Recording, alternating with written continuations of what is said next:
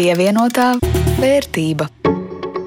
Sveicināti! Ir pirmdiena un laiks pievienotai vērtībai. Raidījums par naudas lietām, uzņēmējdarbību un ekonomiku, un ar to ēterā Jānis Ramāns un Rudīts Pakausks no Latvijas televīzijas. Šodien par to, kā mums vedas ar dzimumu līdztiesību uzņēmumos, par mākslīgo intelektu, kas gluži kā bērni no mums iemācās ne tikai labo un pareizo, nu kā mums gribētos, bet arī visu pārējo.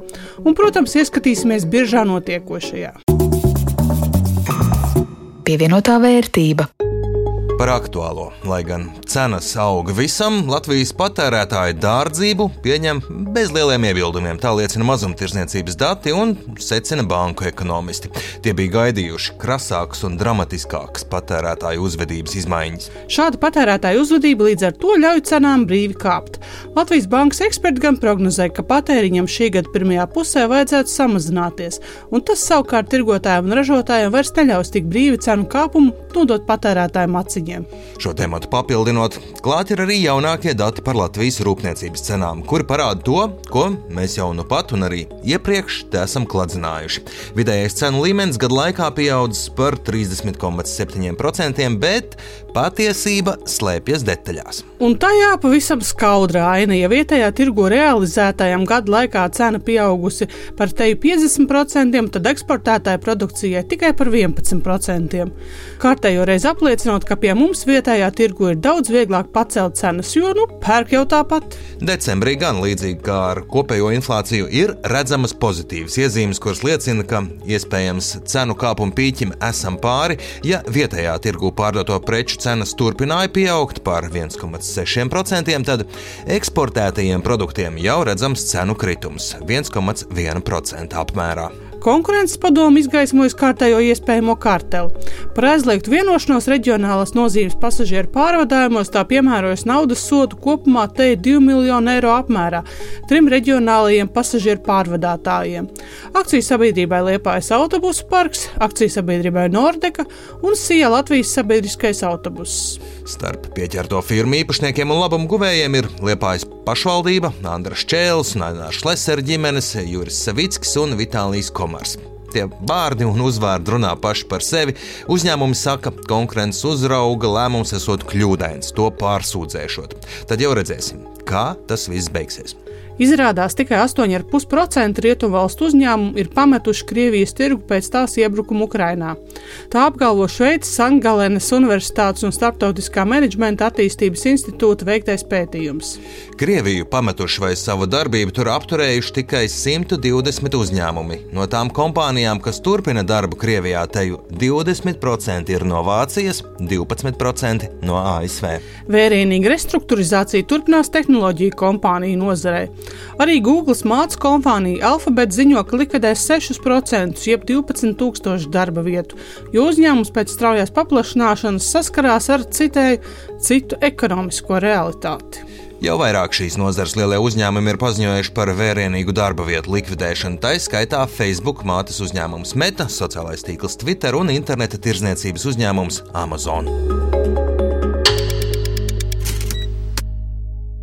Latvijas darba tirgūs sievietes joprojām ir sliktākā situācijā nekā vīrieši.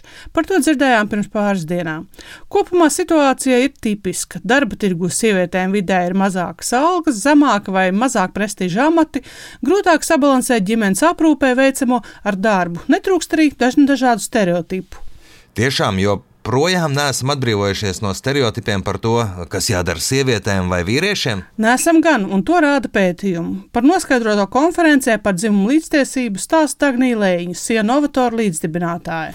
Jā, mums ir vēlme, mēs redzam, ka dzimuma līdztiesība tā ir vērtība, bet tas, kas mūs iegrožo, tie ir tie stereotipi. Un tie stereotipi joprojām ir dzīvi. Piemēram, 41% uzskata, ka sievietēm ir jāvelta vairāk laika bērnu audzināšanai nekā vīriešiem. Sievietes galvenā loma ir rūpēties par mājokli un ģimeni.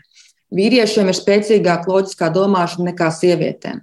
Vīriešu galvenā loma ir pelnīt naudu. Vīrietim ir jāpelna vairāk kā sievietei. Vīrieši ir ambiciozāki nekā sievietes. darbs, kurai jāpieņem atbildīgi lēmumi, vairāk ir piemērots vīriešu, nevis sievietēm, un vīrieši labāk vadītāji nekā sievietes. Tad šie stereotipi ir tiešām dzīvi, viņi pastāv mūsu sabiedrībā, un visdrīzāk tie ir tie, kas traucē nu, to situāciju no tās vēlamās uz to reālo situāciju pātrināt. Un tad no šiem stereotipiem izaug pavisam reālas atšķirības. 20% Latvijas top 500 uzņēmumos, tikai 20% sievietes valdu augstākās vadības līmeņos. Kotētu uzņēmumu valdēs apmēram trešdaļa, ļoti līdzīgi valsts kapitāla sabiedrībās. Vai šī situācija mūs apmierina? Nē, tas mūs neapmierina. Arī par naudu, jā, gan Latvijā, gan arī Latvijā, Latvijā īstenībā, jā, tiešām mēs atsaucamies Latviju, nabadzības seja, tiemžēl, joprojām ir sievietes. Arī, un arī par šiem atalgojuma atšķirībām dažādi skaitļi, sākot no 16% līdz 22% daudzās nozarēs, tieši tādā spēka nozarēs, progresīvajās nozarēs, naudas nozarēs, tehnoloģijās, finansēs, apdrošināšanā, tur šīs šķērs ir vēl lielāks. Te var mēģināt sevi mierināt, ka citiem ir sliktāk, jo tieši dzimuma līdztiesība ir viens no retajiem rādītājiem, kur Eiropā Latvija ir top augšgalos. Ir ļoti reti rādītāji, kur Latvija ir pirmā vietā pēc Eiropas mērogiem. Šeit ir tas retais brīdis, kur mēs esam pirmajā vietā, un tas ir sieviešu īpatsvars vadītāju profesijā. Bet te ir kāda neliela, bet ārkārtīgi būtiska nianse. To atzīst arī Jānis Hermans, Latvijas darbdevēja konfederācijas finanšu un nodokļu eksperts. Un tātad šeit ir šie 46 tūkstoši vadītāju amati Latvijā, kurus ieņem sievietes. Nevienmēr tie ir tādi vadītāji, kā mēs domājam, ka vadītājs tā ir galvenā persona uzņēmumā, tas, kas pieņem visus tos galvenās lēmumus un ir tāda piramīdas virsotnē. Kā mēs redzam, šeit vadītāji ne tikai tādi, kas vada organizāciju, tātad šie rīkotāji, direktori un uzņēmumu direktori, te ir 13 tūkstoši tās ir sievietes. Bet te ir dažādi arī vidēji līmeņi. Nu, administratīva un finanšu vadītāji 9000, kas nodrošina šo nu, lielo skaitu īpatsvaru Latvijā. Tātad sievietes bieži vien ir tie vadītāji, uz kuru pleciem ir dažādas atbalsta funkcijas, nevis galvenie lēmumu pieņēmēji.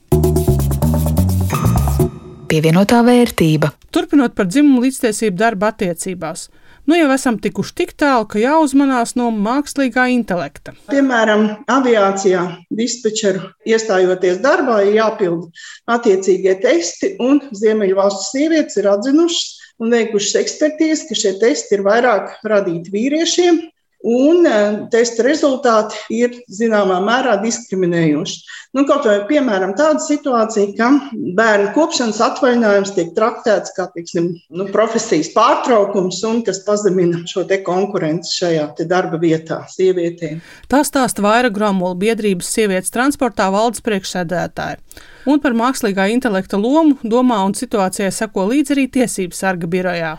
Mākslīgais intelekts tiek izmantots gan darba atlases procesā, un izskatās, ka tas tiek izmantots arī darba tiesisko attiecību pārtraukšanas procesā. Un attiecībā uz darba atlases procesu jau ir bijušas vairākas diezgan skaļas lietas, kur gan Amazon, gan Google teikt, tika iesūdzēts par to, ka viņiem šis mākslīgais intelekts tiek veidots tā, lai tiktu darbā pieņemta vairāk vīriešu nekā sievietes. Kā tas darbojas, skaidro Anita Ilves, tiesību sarga sociālo, ekonomisko un kultūras tiesību nodaļas juridiskā padomē padomniece. Tātad, attiecīgi, ir mākslīgā intelekta programmas, jūs ieliekat iekšā savu CV, aprakstat savu darba pieredzi, aprakstat uh, izglītību un tam līdzīgi.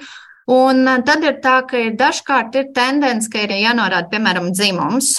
Un tas ir diezgan labs rādītājs, lai mākslīgais intelekts uzreiz eh, sāktu savādāk šo atlasi veikt. Jo, piemēram, veicot eh, testus, ieliekot pilnīgi identisku CV un gandrīz identisku izglītību un gandrīz identisku darba pieredzi, var uzreiz redzēt atšķirības starp šiem dzimumiem. Ne, ka, teiksim, nu, tiklīdz, ja nenorāda dzimumu, tad principā abi kandidāti darba tajā mirklī, kad tiek norādīts dzimums, mums īpaši uz šīm te tehniskajām profesijām, tad mākslīgais intelekts var sākt atlasīt vairāk vīriešus. Diskriminācija un nevienlīdzīga attieksme jau tā nav viegli pierādīt. Kur nu vēl tad, ja pie vainas mākslīgais intelekts?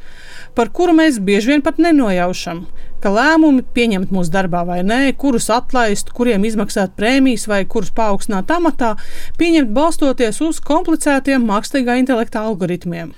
Jo šī ir īstenībā ļoti grūti pierādām un ļoti grūti konstatējama joma pēc būtības, jo mums pašiem bieži vien nav vispārībā informācijas par to, ka kaut kādus lēmumus pieņem mākslīgais intelekts, un tas ir tas, ko arī Eiropa pašlaik cenšas eh, risināt, izstrādājot šo te jauno regulu par to, ka, ja mākslīgais intelekts ir iesaistīts kaut kādā lēmumu pieņemšanas procesā, tad cilvēkam ir jābūt informācijai par to, ka šeit darbojas šis mākslīgais intelekts. Mākslīgais intelekts vēl var tikt izmantots daudzās jomās, un, ja mākslīgajā intelektā iebūvēsim kādus aizspriedumus vai ignoranci pret kādas grupas vajadzībām, ar to tik galā pēc tam varētu būt stipri grūtāk.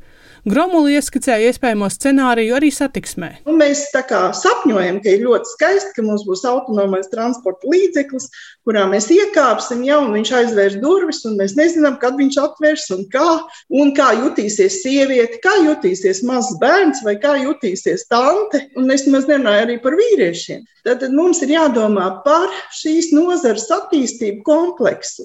Nevēl iepriekšējā runātāja teica, ka jā, ir vajadzīgs, svarīgs sievietes arī IT tehnoloģiju jomā. Jo kas tad būs tas mākslīgais intelekts, vai viņš būs vīrietis vai sieviete, varbūt būs atkarīgs no tā, kurš tad īsti būs pamatā darbojies tā programmēšanā. Un tad ir jābūt līdzsvaram šajās nozarēs, lai tās attīstītos atbilstoši sabiedrības interesēm. Bet tajā pašā laikā daudzos uzņēmumos šobrīd jau runāt tikai par sieviešu iespējām un stereotipu radītām problēmām ir tāda vakardiena. Šodienas mērķis - dzimuma līdztiesīga darba vieta. Līdztiesīga darba vieta viennozīmīgi ir kaut kas tāds, ko mums vajag jau tagad. Protams, ka ir atkarīgs no valsts, no reģiona, no industrijas, ir ceļš ejams, bet katrā gadījumā nākotnē tāda darba vieta mums ir vajadzīga un mēs uz to strādājam. Un, manuprāt, tas varbūt tāds mans personīgais pieņēmums ir, vai tas, ko es redzu, ka jaunākajai paudzei jau tas būs kaut kas ļoti tāds dabīgs un pašsaprotams. Skaidro Liena Kļāviņa Accenture Baltics attīstības un dažādības vadītāja. Ko tas nozīmē praksē? Kas tiek sagaidīts, tātad, piemēram, no vīriešiem, ka nevis stereotipiski, ka viņi būs tie, kas sēdēs visilgāk sapulcēs, jo viņiem jau nav jārūpējās par bērniem, viņiem jau nav jāiet uz dārziņu pēc bērniem, bet pieņemt un saprast, ok, tad, tad, tad šie vīrieši iet arī pēc bērniem, vai um, ka vadītājiem absolūti nav nekādas, um, nezinu, jautājumu, ka mm, jaunais teicis paņem bērnu kopšanas atvaļinājumu. Arī Rīga Tech Girls šobrīd fokusējas uz iekļaujošu uzņēmēju darbību un iesaka par to domāt daudziem, jo, kā rāda dati, tas vienkārši ir izdevīgāk skaidro Rīga Tech Girls valdes locekle Aiva Staņēviča. Ka palielina inovācijas uzņēmumā, ļauj pieņemt labākus lēmumus kopumā, kā arī darbiniekiem labāk patīk iekļaujoši uzņēmumi. Paskatoties pa statistiku, kā mēs redzam, tikko ir lielāka dažādība komandās, tā arī uzņēmumu ieņēmumi var palielināties līdz pat 25%, kas ir salīdzinoši daudz. Par inovācijām runājot, kad ir daudz dažādu cilvēku kopums savācies, statistiski tika izpētīts, ka inovācijas kopumā ir gandrīz divreiz. Labi, 1,7 reizes lielāka nekā, ja nebūtu tāda dažāda cilvēku komanda. Un pārsteidzošā kārtā, jo daudzveidīgāk lēmumu pieņēmēji, jo ātrāk un labāk lēmumi tiek pieņemti. Varētu šķist, ka, ja piemēram ir tikai visi programmētāji, nedalot dzimumus, ka lēmumi tiktu pieņemti ātrāk. Īstenībā nē, jo dažādāki cilvēki, jo mazāk tu ieej nesvarīgās detaļās, mēģini lielās lietas izpētīt un kopīgi atrast laiku. Tātad esam dažādi komandā. Varbūt būs kaut kas jāskaidro, bet visdrīzāk nebūs svarīgas, tiks ignorētas nesvarīgas nianses, būs mazāk sanāksmju un būs daudz vairāk veiksmīgu lēmumu. Ja darba kolektīvs nav vienveidīgs, nu visi kā viens no otra nokopēti, tad sanāksmju esot divreiz mazāk. Izklausās kārdinoši. Pievienotā vērtība. Bet no laiks pievienotās vērtības noslēgumā uzmest aci, kas notiek Baltijas biržās. Aizdītā nedēļa bijusi zaļa. Jā, visur kāpums lielākais - 0,93% Rīgā, daudz neatpliek Tallinā ar 0,92%, Lietuvā salīdzinoši rāmāka aizvadītā nedēļa - 0,28% plusā. Un tā rezultātā manam portfelim nedēļas laikā apmēram 2 eiro pieaugums. Bet baidos, ka tev šī nedēļa būs bijusi labāka nekā man. Paspēlējoties ar skaitļiem, jā, man nedēļa uz pusi labāka vai par 100% labāka nekā tev rudīt. Respektīvi, ja tev 2 eiro pieaugums portfelī, man veseli 4 eiro klāt. Ar šo arī skan raidījums pievienotā vērtība un tai atvēlētais laiks Latvijas radio ēterā. To jums sagatavoju es, Rudīts Pakausks no Latvijas televīzijas kopā ar Jānu Ramānu. Par skaņu rūpējās Renārs Šteimanis. Atgādinu, ka šo un iepriekšējos raidījumus var dzirdēt ne tikai radio ēterā, bet arī jūsu iecienītākajās raidierakstu straumēšanas vietās un arī Latvijas radio aplikācijā. Uz tikšanos!